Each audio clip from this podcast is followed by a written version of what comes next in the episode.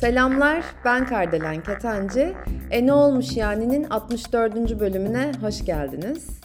Bu bölümde yine yeniden hem kendime hem sizlere bir soru sordum ve bu sorunun cevabı açıkçası bende bayağı barizdi. Yani bu soruyu sorar sormaz böyle sayfalarca yazı yazasım geldi. Ve dolayısıyla da hani böylesine cevap verebileceğim bir soru olduğu için ve bazılarınızda wow ben de bunu kendime sorayım bir gibi bir duygu uyandırabileceğini düşündüğüm için ya da belki bazılarınız bu duyguyu hissedebileceği için sizlerle paylaşmak istedim. Şimdi öncelikle arkadaşlar bölüm sorumuz neden yarış atı gibi hissediyorum? Yani böyle sanki bir e, varmamız gereken bir yer var ve o yere varınca her şey böyle güllük gülistanlık olacak.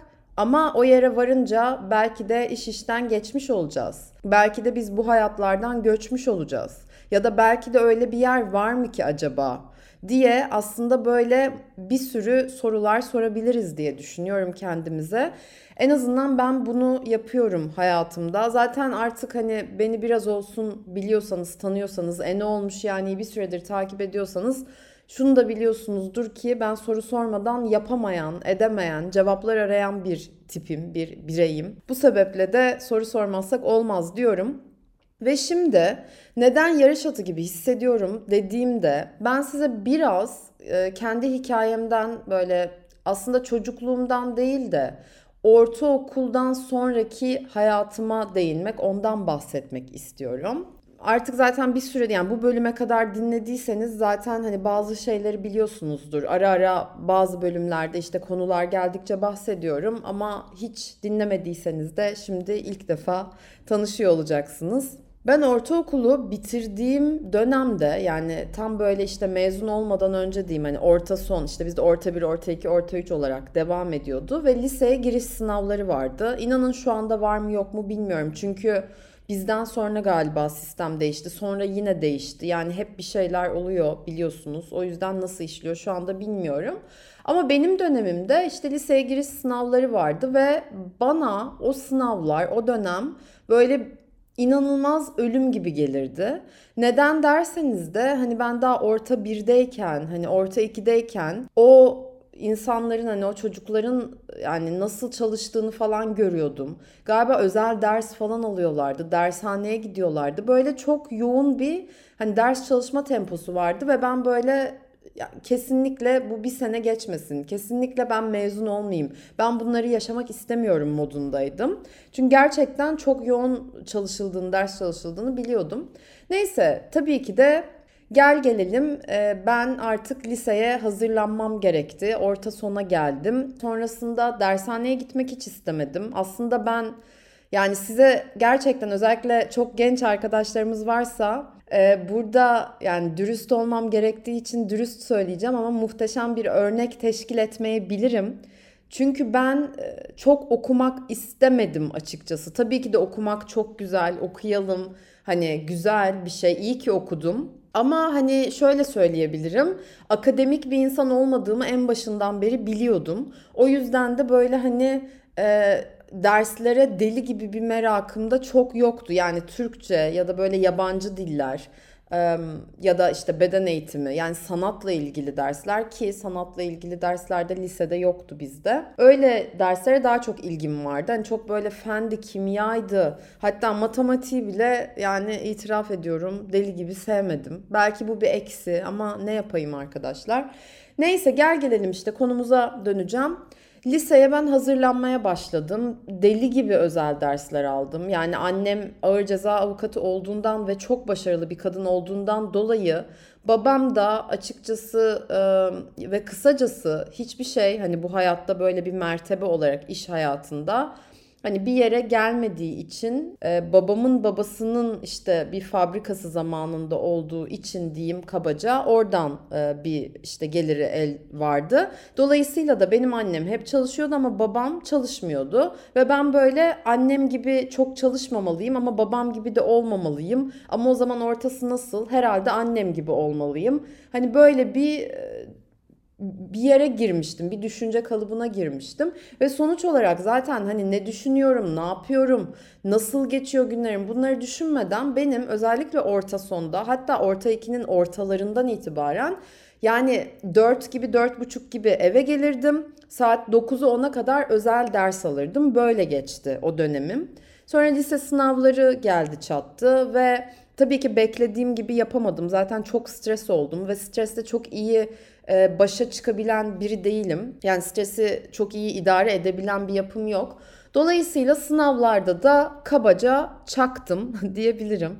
Ama yine de hani çaktım derken böyle e, Fransız lisesine girebildim. Hani ona puanım yetti ama böyle ben çok daha annem daha doğrusu çok çok çok daha en üstteki işte liseleri istiyordu. Onları yapamadım diye kendimi başarısız hissetmiştim. Üzüldüm tabii ki. Yani annemin hayal kırıklığına uğradığını e, anlamıştım. Baya böyle aslında e, başarısız, hayatta bir boka yaramayacak ve yaramayan, gerçekten hani ben bunu bile yapamıyorsam niye bu hayattayım ki duygusuyla tab- tabii ergenlik de var o zamanlarda. Hani zaten o da ağır ve sancılı bir süreç. Böyle bir döneme girdim. Neyse sonra lise hayatım zaten 5 sene sürdü. Siz deyin işte lise hayatı, ben diyeyim bir hapishane. Vallahi kimse alınmasın, kırılmasın burada. Hani ben Sempuşeri mezunuyum ee, ve özellikle benim bildiğim kadarıyla damdesyon ve Sempuşeri o zamanlar zordu arkadaşlar. Zaten hani e, biz 37-38 erkek vardı, diğerleri hep kızdık. Ee, ve zaten kız lisesiydi. Sonra hani erkekleri de almaya başladı daha yeni yeni bizim zamanımızda. Ve e, rahibeler falan hani o okula gidiyordu yanlış hatırlamıyorsam. Özellikle Damdesyon'da. Yani hani şunu demek istiyorum. Çok katı kurallar vardı. Yani insanlığa sığmayacak kuralları vardı. Bana çok saçma gelen.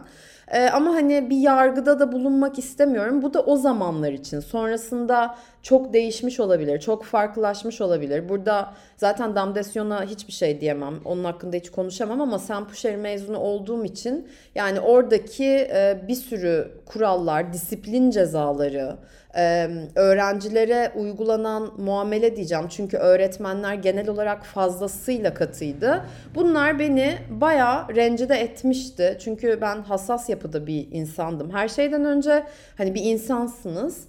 Neyse şimdi ben bu e, mevzuya yani lise lise travmalarıma belki bir bölümde değinmemi isterseniz değinirim bilmiyorum. Ama çok zorlu geçti. Yani gerçekten uzun süre yattım çıktım dedim ben yani liseden mezun olduktan sonra. Ama bir şekilde biz ya 75 ya işte 78 kişi falan böyle girip 37 e, kişi mi ne mezun olmuştuk. Liseden yani işte okul değiştirenler, atılanlar, kalanlar falan olmuştu.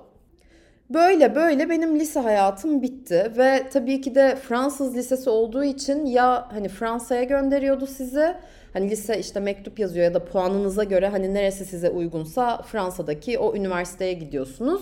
Ya da işte Türkiye'de herhangi bir başka üniversitede kalabiliyorsunuz. Ona göre o zaman ÖSS vardı işte ÖSS'ye giriyorsunuz gibi gibi işte olaylar gelişiyordu.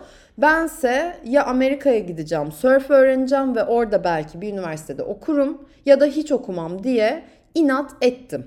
Çünkü ben hayatımı yaşamak istiyordum. Çünkü şunu biliyordum ki surf benim bu dünyada yani en çok sevdiğim şeylerden biri ve surf yaparsam belki inanılmaz profe- profesyonel bir surfçi olursam e, o özgürlük duygusunu tadabilirim. Çünkü en çok istediğim şeylerden biri özgür olmaktı.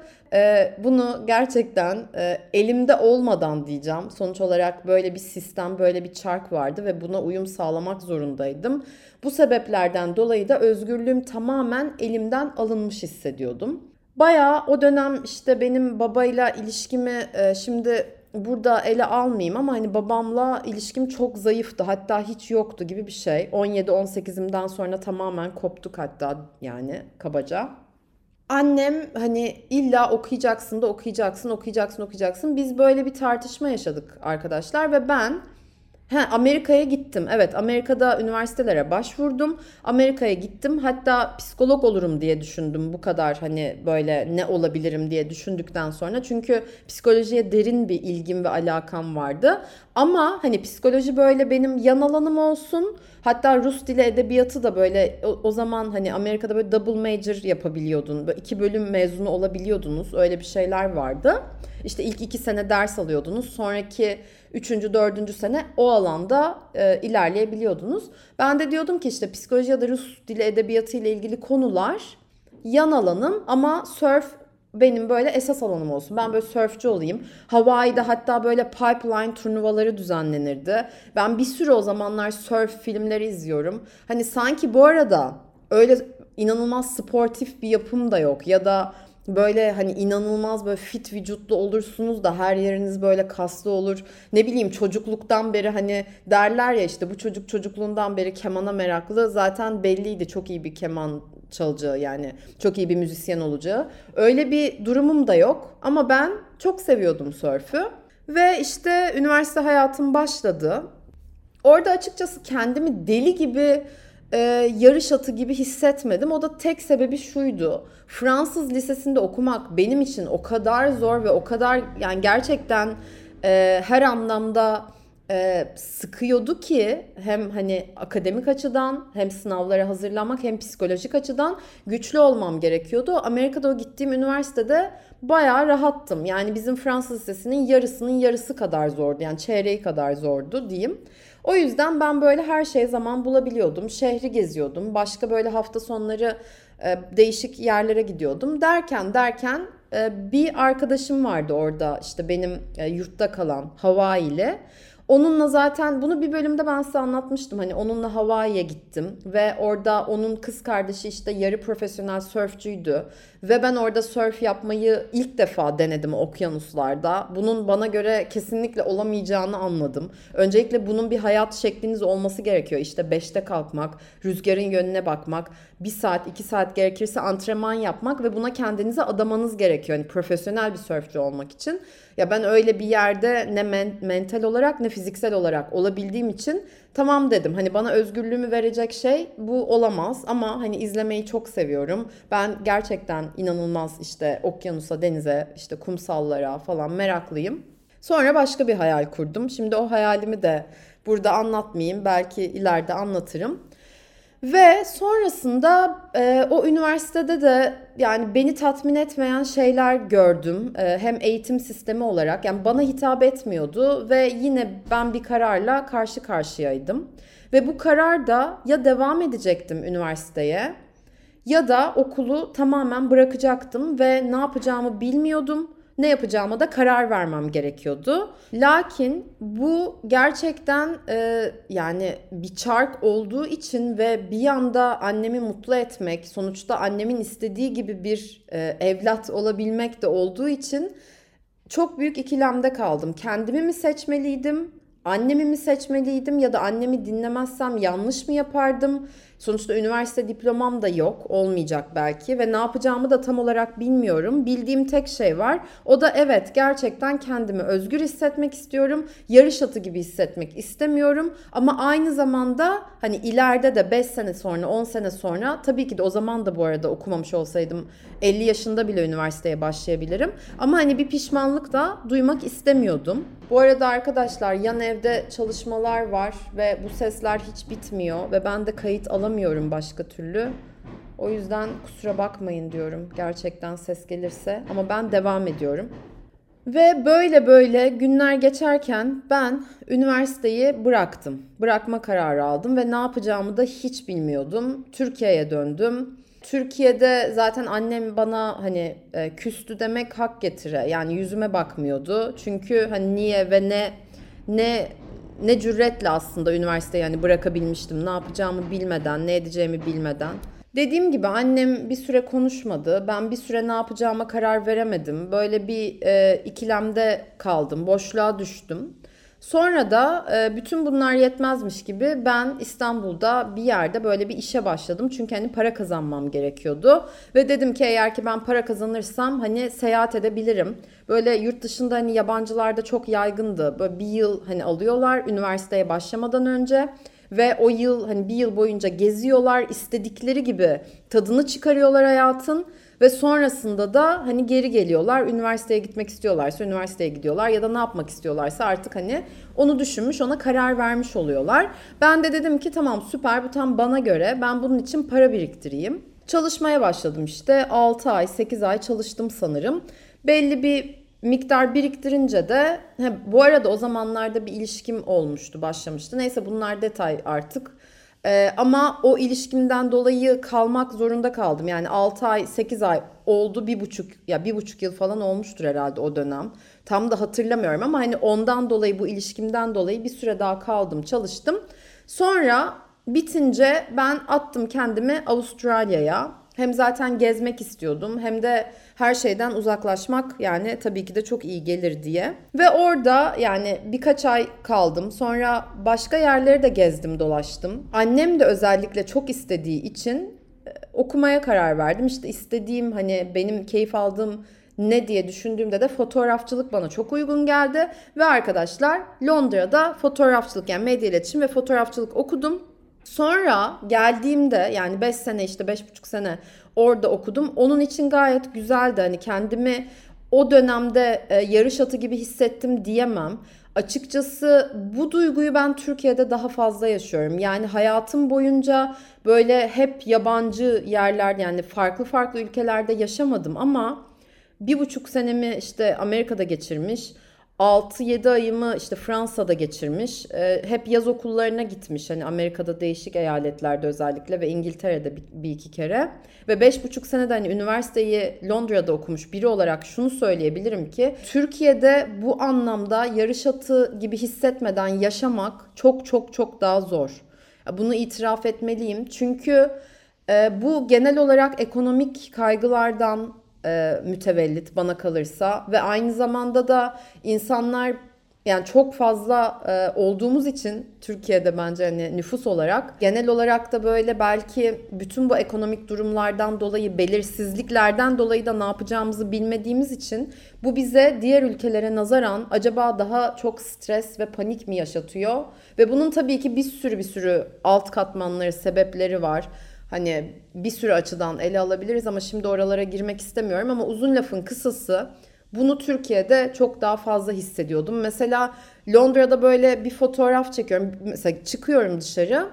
İşte bugün hani ben portre ve doğa fotoğrafçılığında ilerliyordum. İşte bugün bilmem nereye gideyim or- orayı çekeyim diyordum doğa alanında ve orada onları çekiyordum. Ve gayet de güzel hani ya proje teslimi için ya kendim için e, banyosunu falan da hani analog çektiğim için kendim yapıyordum ve çok da keyif alıyordum.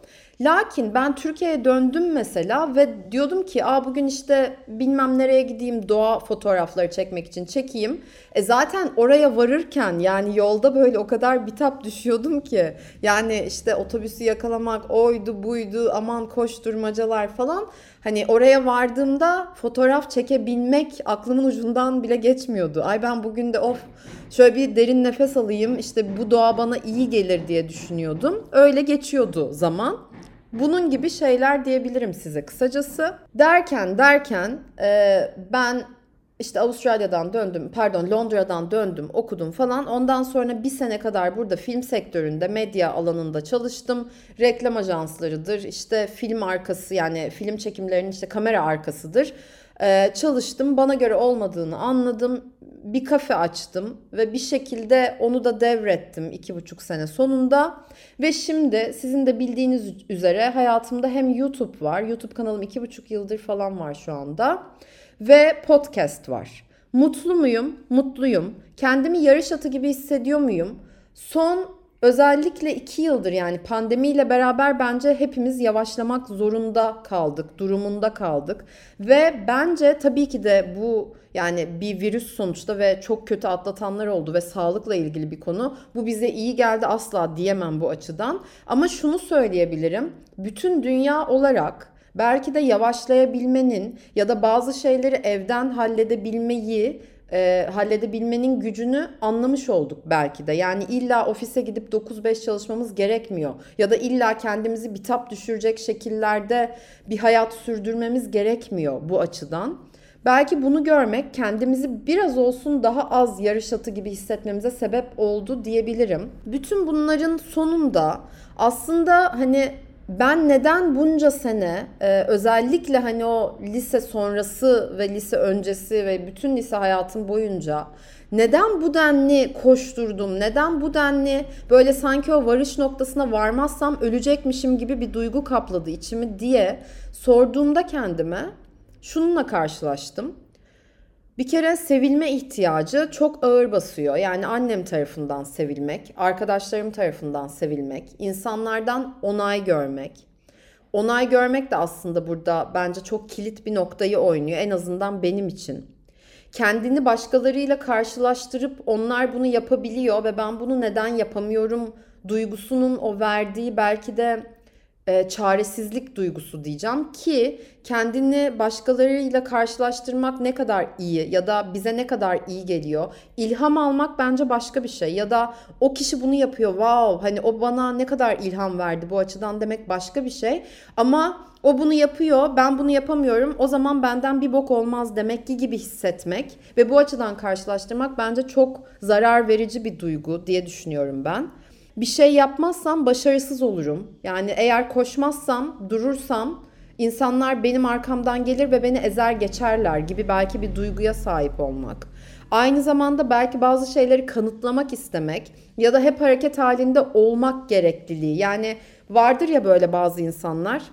Hatta belki bilmiyorum siz de öyle hissediyor olabilirsiniz. Benim de Hayatımda zaman zaman böyle hissettiğim anlar çok oldu. Hep hareket halinde durma olmazsam ve durursam biterim. Durursam hayat kayar ellerimden, geçer böyle ben bir şeylere yetişemem ve bu duygu gerçekten hani bu yarış atı halinde olmamızı hep tetikliyor ve bana her ne kadar bazılarınız hani Kardelen bu bana çok iyi geliyor. Bu bana işte adrenalin salgılatıyor. Ben kendimi böyle yaşıyor gibi hissediyorum.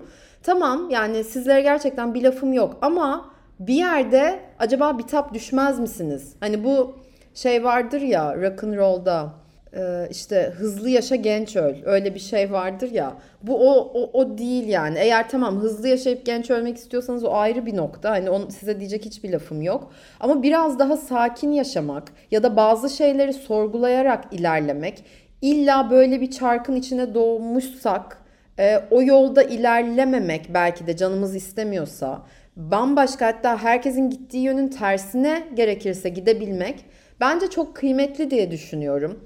Ve bazı zamanlarda durmak ve ilerlememenin mutluluğunu da yaşayabilmek, sadece o anın tadını çıkarabilmenin de e, keyifli olduğunu düşünüyorum açıkçası.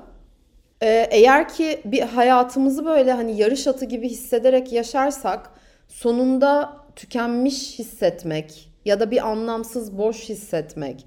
Belki hayallerimin yitip gitmesi ve elimde avucumda yani hayallerimden geriye ne kaldı? Ben artık hayal bile kuramıyorum demek. Çok acı değil mi arkadaşlar ya? Gerçekten böyle bir düşündükçe bile benim için bir tuhaf oluyor. Ya da kim olduğunu unutmak ya da hiç bulamamak ve keşkelerle dolmak. Yani bütün bunlar bize yarış atı gibi yaşamış olmanın bir bedeli olmasın diye bu soruyu bir kendinize sorun. Özellikle bilmiyorum hani böyle daha üniversite çağlarında iseniz ve dinliyorsanız hani bu belki e, bunları sorduktan sonra kendinizi bir tuhaf hissedebilirsiniz. Çünkü o üniversite çağları hani tam böyle ne yapacağını en azından ben tam olarak ne yapacağımı bilmiyordum. Hayat beni nereye sürüklerse oraya gidiyordum. E zaten işsizlik var yani ben ne yapacağım falan gibi düşünebilirsiniz. Ama bazı soruları sormak bile belki de size bazı kapıları açar. Bunları böyle sorup da kendinizi kötü hissetmeyin asla. Ama yani mutlaka şundan emin olun ki eğer ki benden bir bok olmayacak mı ya da ben hep böyle mi devam edeceğim diyorsanız hayır bu değişecek. Hep böyle devam etmeyecek ve sizden bir bok olacak. Ben buna eminim, ben bunu biliyorum ve her birimizin bu dünyaya öyle ya da böyle bir katkı sağlamak için doğduğuna inanıyorum. Yani amacınızı bilmiyorsanız bile bir gün bileceksiniz. Belki 20'nizde değil, belki 30'unuzda değil, belki 40'ınızda değil, belki 60'ınızda bile değil. Ama bir gün bileceksiniz ve o gün gelene kadar ya da o anlar gelene kadar bunu beklemek bile gerekmiyor.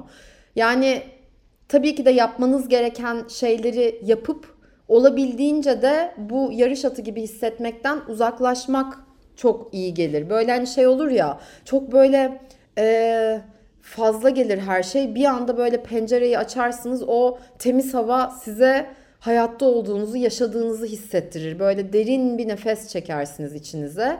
O duygudan bahsediyorum. Ve yine tabii şunu da söyleyeyim. E, yoga ve meditasyon diyorum. Bana en iyi gelen iki noktadan biri. Ve bu bölümün kapanış şarkısı Pinhani'den Ben Nasıl Büyük Adam Olacağım şarkısı olsun. Ben tabii ki de telif yememek için bunu şu anda çalarak bitiremiyorum bu bölümü.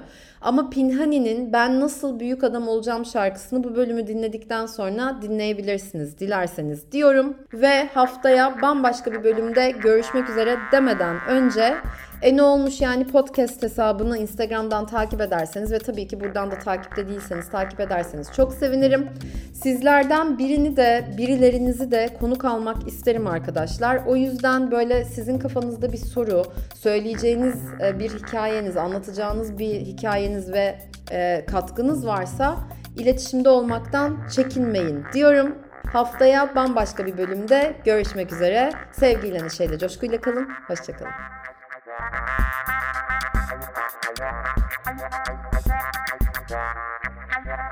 Yeah.